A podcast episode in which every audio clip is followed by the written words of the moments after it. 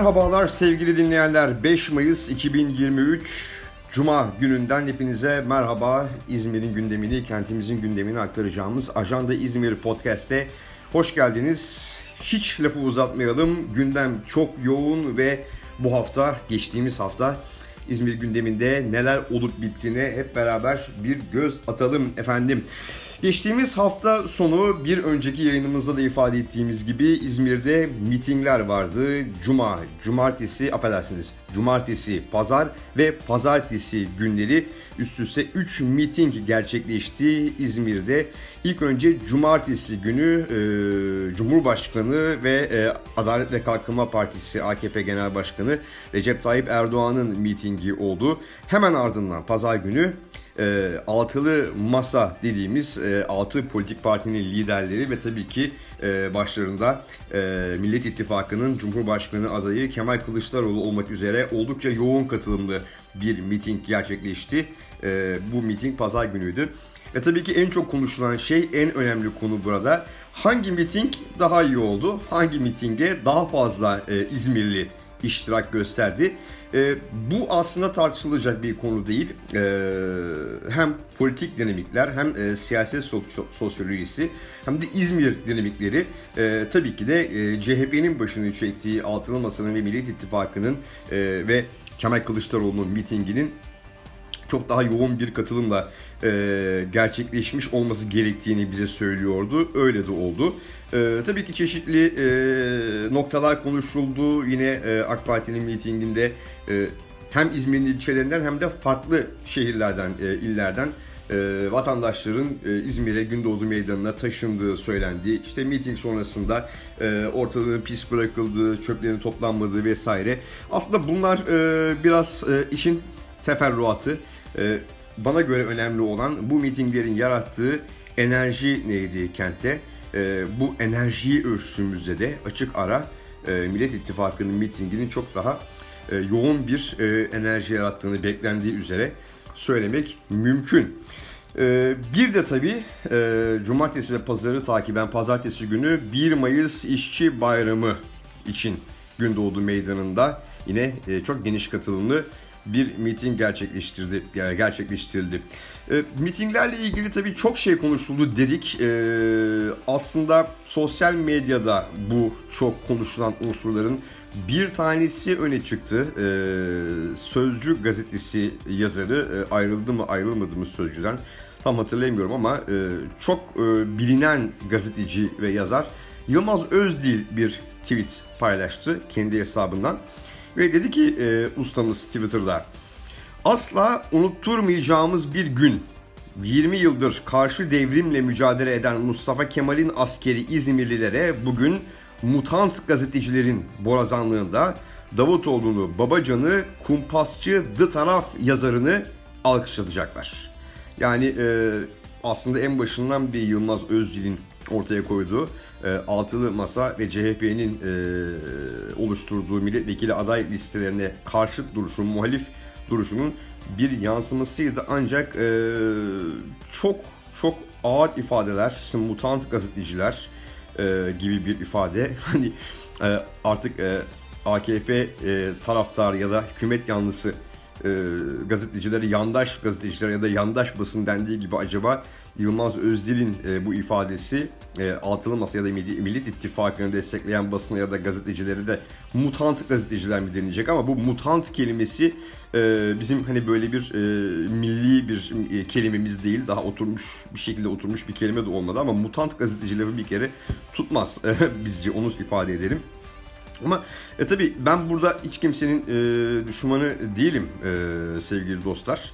E, ben olanları burada birebir sizlerle paylaşmaya çalışıyorum ve birebir paylaştığım e, vakalara ilişkinde e, ne düşünüyorsam e, onu söylüyorum. E, kimseden bir e, menfaatim de yok. E, ama şunu söyleyeyim. E, ben de e, tıpkı Yılmaz Özdil ustamız gibi e, yeni asırda yetiştim. Yani yeni asır çarklarından yetiştim e, yandaş olmak olmamak bir yana. Yani bunu bir kenara bırakalım. E, bu dinç bilginin biraz önce bahsettiğim çarklar, bu dinç bilginin çarklarının, dinç bilgin yeni asırının çarklarının e, ne olduğunu da gayet iyi biliyorum. Osman Gencer'le çalıştım, Şebnem Bursa ile çalıştım e, ve Yeni Asır ekolünün de ne olduğunu gayet iyi biliyorum. E, Yılmaz Özdil e, ve benzeri sözüm ona Atatürkçü kesimler kendilerini İzmir gibi bir safe space derler ya bir safe space belirlemiş durumdalar. O safe space'in adı e, Yılmaz Özdil ve e, bu tür e, abilerimiz, ustalarımız üzerinde e, İzmir oluyor. E, ve Tayyip Erdoğan Ankara'da iktidarda durduğu müddetçe onlar da İzmir'de krallar. Bu da bir gerçek efendim. Bunu uzun süre e, biz Cumhuriyet Halk Partisi'nin İzmir'deki il teşkilatı içinde söyledik. Yani bir rehavet, bir e, orada AKP iktidarda kaldığı müddetçe biz burada kesin kazanırız rahatlığı. Bir dönem, şu anda değil ama bir dönem e, Cumhuriyet Halk Partisi'nde de İzmir'de vardı.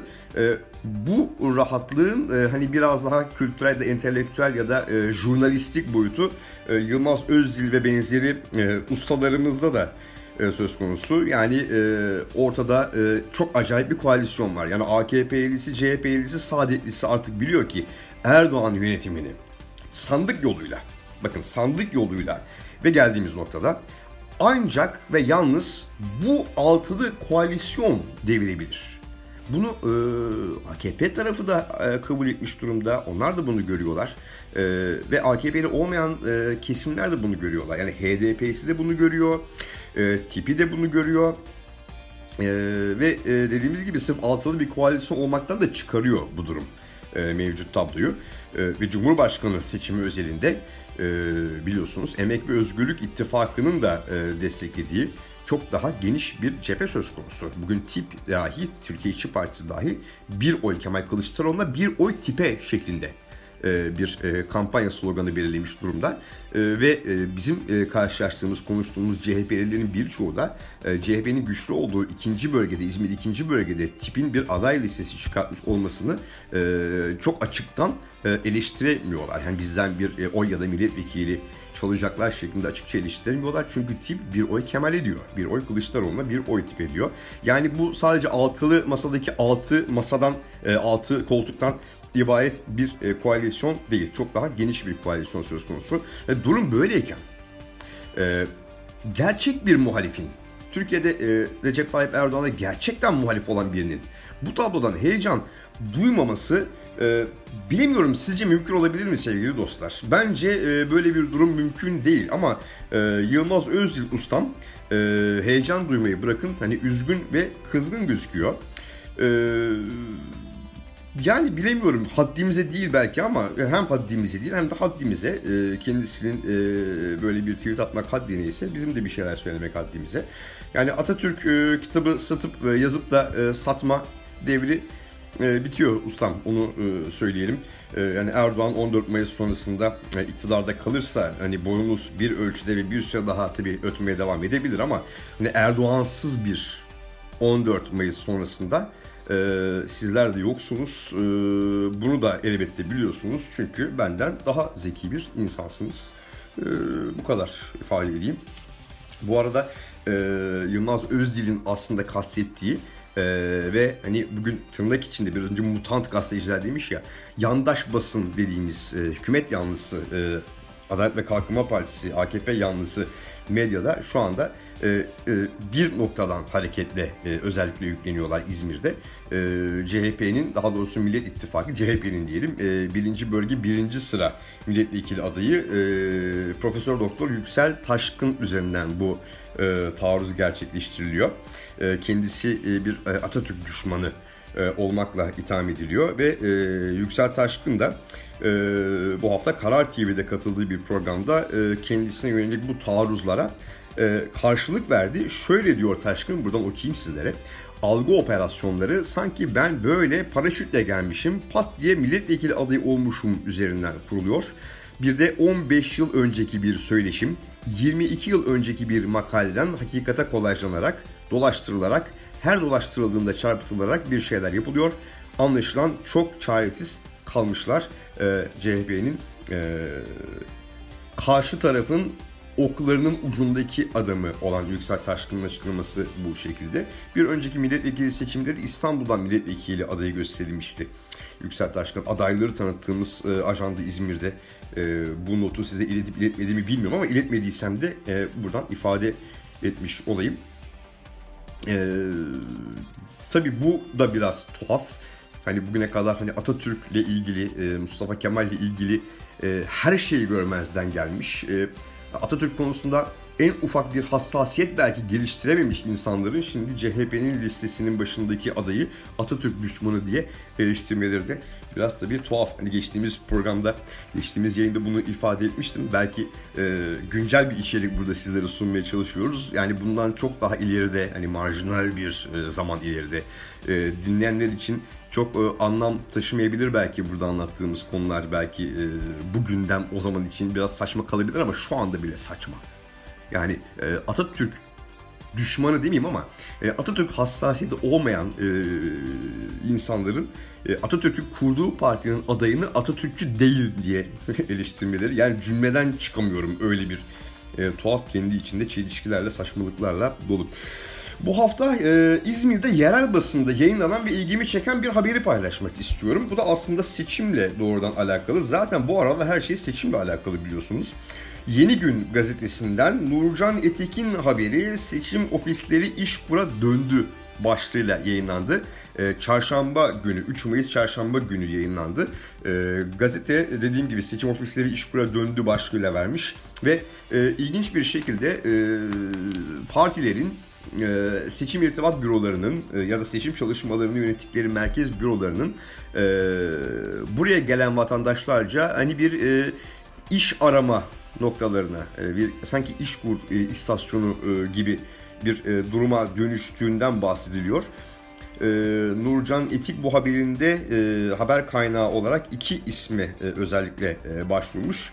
E, CHP Konak İlçe Başkanlığı örgütten sorumlu başkan yardımcısı ve Konak Seçim Ofisi sorumlusu Selçuk Yeltürk ki e, görüş sormuş. Yeltürk demiş ki normal şartlarda beklentimiz seçime dair gelişmeler ya da seçim odaklı konular olmasıydı. Ancak henüz birkaç hafta önce açılan ofisimiz amacından çok farklı affedersiniz bir faaliyet içerisinde. Vatandaşlarımız buraya iş, giysi, gıda, barınma gibi konularda yardım istemeye geliyorlar demiş. Ee, ve aynı zamanda yine aynı haber içerisinde de CHP Karşıyaka İlçe Başkanı e, Rafet Yacan da bu seçim döneminde iş ve yardım aramak için gelenlerin sayısı inanılmaz yüksek diyor. Ee, yani normalde seçim işlerinin koordinasyonu amacıyla açılan bu bürolar e, vatandaşlarımız tarafından e, bir iş kapısı, iş umudu kapısı e, haline getirilmişler. Bizim meslekle ilgili bir e, gelişme yaşandı. Geçtiğimiz hafta Türkiye Gazeteciler Sendikası'nın İzmir Şubesi Genel Kurulu gerçekleştirildi. E, Türkiye Gazeteciler Sendikası'nı neden önemsiyorum? Çünkü Türkiye'de gazetecilerin gerçekten menfaatlerinde çalışan belki de tek örgüt, tek kurum. Türkiye Gazeteciler Sendikası. elbette Türkiye Gazeteciler Cemiyeti, İzmir Gazeteciler Cemiyeti, ee, benim de üyesi olduğum Ekonomi Muhabirleri Derneği de önemli çalışmalar içerisindeler ama e, gazetecilerin hayat şartlarına belki aldıkları maaşa, çalışma şartlarına doğrudan etki eden ya da edebilen çalışmalar yapan e, kurum sendika yani Türkiye Gazeteciler Sendikası. E, TGS kısa adıyla. TGS İzmir Şubesi'nde e, yeni bir yönetim iş başına geldi. Çok uzun yıllardır e, İzmir Şube Başkanlığı'nı yapan Halil abimiz Halil Hüner şube başkanlığını bıraktı. Ben de iki dönem e, Halil Hüner yönetiminde e, Türkiye Gazeteciler Sendikası İzmir e, il yönetiminde bulunmuştum. E, bir dönem idari sekreterlik, bir dönemde şube başkan yardımcılığı görevinde bulunmuştum. Yani Halil Hüner'le beraber çalışma şansına e, sahip olmuştum. E, ve yeni yönetim kurulu e, Mazlum Vesek e, seçildi. Özde Koca, Nil Kahramanoğlu ve Feyyaz Tatar e, bu dört arkadaşımızdan oluştu. E, ve yeni yönetim kurulunda Mazlum Vesek'i e, aradım hafta sonu. E, tebrik ettim, konuştuk ve daha etkin, daha faal bir e, dönem geçirmeyi planladıklarını ifade etti kendisi. Geçtiğimiz haftaki mitinglerden bahsettik ve yine geçen haftaki programda mitinglerden kaçmak isteyenler için e, iki alternatif olduğunu aslında birçok alternatif var ama bunlar içerisinde e, yılda bir düzenlenmeleri sebebiyle iki e, alternatifin ön plana çıktığını söyledik. Bunlar Urla Enginar Festivali ve Alaçatı Ot Festivali'ydi. Bu festivallerin de güzel, keyifli geçtiği haberini aldık. Ben ikisine de gidemedim. E, Alaçatı Ot Festivali yeniden doğuş temasıyla bu sene 12. kez düzenlendi. Ve e, Çeşme Belediyesi'nin e, açıklamasına inanırsak 1.3 milyon kişinin e, festivali ziyaret ettiği ifade ediliyor. Ve festival kapsamında Duman grubu da bir konser vermiş. Oldukça da ilgi görmüş. E, Urla Enginar Festivali'nin Alaçatı Ot Festivali kadar yoğun bir ilgiyle e, karşılanmadığı yönünde e, bilgi aldım. E, e, bu da geçtiğimiz haftaki Ajanda İzmir'de yine ifade ettiğimiz bir konuydu. E, bu kadar güzel iki festivali aynı hafta sonu düzenlemek birazcık kendi bacağına sıkmak anlamına gelecek demiştik. Öyle de olmuş. E, biri e, daha az ilgi görürken bir yeri diğeri daha çok ilgi görmüş. E, iki festival arasındaki e, hani yarışı diyelim böyle bir hani yarış zaten saçma onu ifade ediyoruz. E, Alaçatı Ot Festivali biraz daha yoğun ilgi gören bir e, festival e, olmuş e, diye aktarıldı bize güvenilir kaynaklardan. Ve spor, spor gündemine bakarak e, bu haftayı e, tamamlayacağız. E, geçtiğimiz haftanın e, bizce e, en ilginç maçı e, Altay Bolu Spor maçı olacak gibi duruyor dedik ama e, Altın Ordu Bandırma Spor maçı da fena olmaz dedik ama Altın Ordu Bandırma Spor maçı e, çok acayip oldu. E, Altay Bolu Spor maçı biraz daha sakin ve e, sönük geçti ama e, ben görüşümü evirip çevirmeden söyleyeceğim bu konuda Altın Ordu Bandırma Spor maçı konusunda. E, bu maçın hakemi Ali Palabıyık'a e, Türkiye Futbol Federasyonu e, bir yaptırım uygulamalı sevgili dostlar. Benim görüşüm bu. Bu yaptırım ne olur bilmiyorum ama e, ceza mı olur ne bileyim bir süre dinlendirmek mi olur? Zaten 3 e, haftadır, e, affedersiniz 3 aydır zaten kendisine bir maç verilmiyormuş. E, iki takıma da Ali Payı Palabıyık'ın bu Altın Ordu Bandırma Spor maçında iki takıma da vermediği birer penaltı var. Altın Ordu'ya verdiği e, penaltı olmayan bir penaltı var. Altın Ordu'nun 3. golünün öncesinde Bandırma lehine verilmeyen bir faul var. Ee, bir faulü atlamışlar değil. Ee, uzatma dakikalarında e, bir faul atlandı ve o faul verilmedi ve devamında Altın Ordu bir gol kazandı Bandırma Spor için. E, önemli ve hani e, oyunu değiştirecek, sonucu değiştirecek bir durumdu. Ee, evet İzmir'i tutuyoruz. Yani İzmir'i destekliyoruz ama e, böyle kazanacaksak kazanmayalım sevgili dostlar. Benim görüşüm bu. Altın Ordu, Altay, Göztepe, Karşıyaka hepimiz e, küme düşeceksek şerefimizle düşelim. Kalacaksak şerefimizle kalalım. E, Göztepe demişken hemen Göztepe'yi söyleyelim. Haftayı maç yapmadan geçirdi Göztepe ve bir 3 puanı doğrudan hanesine yazdırdı Adana Spor e, oynanmayan Adana Spor maçı ile ilgili. E, puanını e, 57'ye yükseltti ve 6. sırada tamamladı. E, Erzurum Spor Sakarya Spor maçının sonucunu bekliyordu. E, Sakarya Spor 1-0 kazandı bu maçı ve Sakarya puanını 59'a yükselterek Göztepe'nin e, bir sıra iki sıra üstüne çıkmış oldu. Ee, tabii aslında Göztepe ve Sakarya çok kardeş takımlar oldukları için hani birbirlerine bu şekilde e, kazanmasına ya da kaybetmesine sevinecek, üzülecek bir durumları yok ama e, üçüncü sırayı hedefliyor e, her iki takımda. Dolayısıyla aralarında bir rekabette söz konusu. E, Altay ne yaptı? E, Altay Bolu Spor'la e, 0-0 berabere kaldı. E, Erzurum Spor, e, Sakarya Spor maçı Altay için de önemliydi. E, Erzurum'un haftayı puansız kapatması ve e, Altay'ın da Bolu Spor'la berabere kalması sonucunda e, siyah beyazlılar da bu haftayı 34 puanla düşme hattının sadece 3 puan e, üstünde 13. sırada tamamladılar. E, bu arada hemen ifade edelim Altın Ordu'da 34 puana sahip durumda Altay gibi. E, Şeytanlar da averajla e, Altay'ın bir e, alt sırasında yani 14. sırada yer alıyorlar. Karşıyaka Karşıyaka'ya bakacağız. Ordu Spor'a İzmir'de 2-0 yenilerek büyük bir fırsat tepti. Tepmekle de kalmadı. 7.liğe gerileyerek 3. ligde playoff bölgesini oluşturan ilk 6'dan çıkmış oldu. Maç sonunda belki de ligin başından beri ilk kez bütün Karşıyaka tribünü bir ağızdan ve uzunca bir süre Başkan Turgay Büyükkarcı yönetimini e, istifaya davet ettiler. Karşıyaka en son e, 95-96 sezonunda Süper Lig'de mücadele etti sevgili dostlar. Yani yani 1996 doğumlu bugün 27 yaşında olan bir Karşıyakalı takımını Süper Lig'de hiç görmedi. 1990 doğumlu ve bugün 33 yaşında olan bir Karşıyakalı da Karşıyaka'nın Süper Lig'deki son sezonunu hayal, hayal meyal hatırlıyordur ya da hatırlamıyordur. Şimdi olacak iş mi bu diyesi geliyor insanın. Gerçekten İzmir gibi bir şehirde hani Karşıyaka gibi bir e, kulübün futbol şubesi bu halde mi olmalı? Geçtiğimiz yayınımızda da ifade etmiştim bunu. Benim sıkı bir Göztepe'li olduğum biliniyor. Ama inanın bunları yürekten söylüyorum sevgili dostlar. Karşıyaka gibi bir camianın e, üst üste 5 sezondur 3. ligde ne işi var diye soruyorum ben. Valla artık e, ne yapılması gerekiyorsa yapılsın istiyoruz Karşıyaka ile ilgili efendim biz e, İzmirliler olarak. Hani şirketleşme mi olur, e, bütüncül ve tüm camia dinamiklerini birleştiren yeni bir yapı, yeni bir yönetim mi olur bilemiyorum. E, Karşıyaka'nın artık bir şekilde e, kalkınması, kalkındırılması gerekiyor. E, bana sorarsanız şirketleşme şart. E, üstelik Göztepe gibi şirketleşme konusunda hani uzun ve meşakkatli bir süreç yaşamış bir örnek de var Karşıyaka'nın karşısında.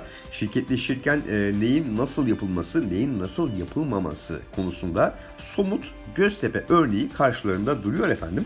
E, bu durum tabii 6 ay içinde geçerli. Bilenler hatırlayacaktır bu arada. Karşıyaka'da bir şirketleşme girişimi olmuştu. Bu şirketleşme girişiminin neden ve nasıl başarılı olamadığını e, ayrı bir programda belki konuşuruz. E, ben Göztepe'liyim ama Karşıyaka'da arkadaşlarım da çok. E, kimlerin Karşıyaka camiasında, Karşıyaka'da diyeyim genel olarak, kimlerin e, kulübün büyümesini, gelişmesini neden ve nasıl istemediklerini de e, ayrı bir programda e, konuşmak gerekiyor. Belki de çünkü hem stat meselesi hem e, kulübün futbol şubesinin 5 e, sezondur Türkiye'nin en alt derece profesyonel ligi olan 3. E, ligde mücadele ediyor olması artık kabul edilebilecek bir nokta değil. E, Karşıyaka'nın da büyümesi, gelişmesi gerekiyor. Tıpkı e, diğer takımlarımız gibi. Bu haftaki e, Ajanda İzmir'de e, bu sözlerle noktalayalım e, sevgili dostlar. E, bu hafta e, tabii yine e, geçtiğimiz hafta ve ondan önceki hafta olduğu gibi ve gelecek hafta olacağı gibi e, seçim gündemiyle devam ediyor her şey. E, olan biten her şey seçim endeksi oluyor, siyaset endeksi oluyor. 14 Mayıs'a doğru artık e, tablo yavaş yavaş şekillenmeye başlar diye bekliyoruz ama bu şekillenmenin nasıl olacağı hakkında bir emare henüz yok. E, 4 adayla Cumhurbaşkanlığı seçimine gidilecek ve 3 ittifakla parlamento seçimine girilecek. E, ve tablo nasıl olacak? Anketler ne söylüyor ne söylemiyor? Galiba her şey 14 Mayıs'a kadar muallakta kalacak ve 14 Mayıs gecesi ilerleyen saatlerde ortaya çıkacak Türkiye'nin e, kaderi ve geleceğiyle ilgili e, hepimizin merakla beklediği bu seçimin sonucu. Önümüzdeki hafta e, yeniden e, İzmir gündemini Ajanda İzmir'de bizlerden almanızı ümit ediyoruz. Önümüzdeki hafta sizlerle tekrar görüşebilmeyi, e, dertleşebilmeyi diliyoruz efendim. Başarılı, güzel, sağlıklı, huzurlu bir hafta geçirmenizi temenni ediyorum. Ben Engin Tatlıbal, Ajanda İzmir'de haftaya görüşmek üzere. Hoşçakalın.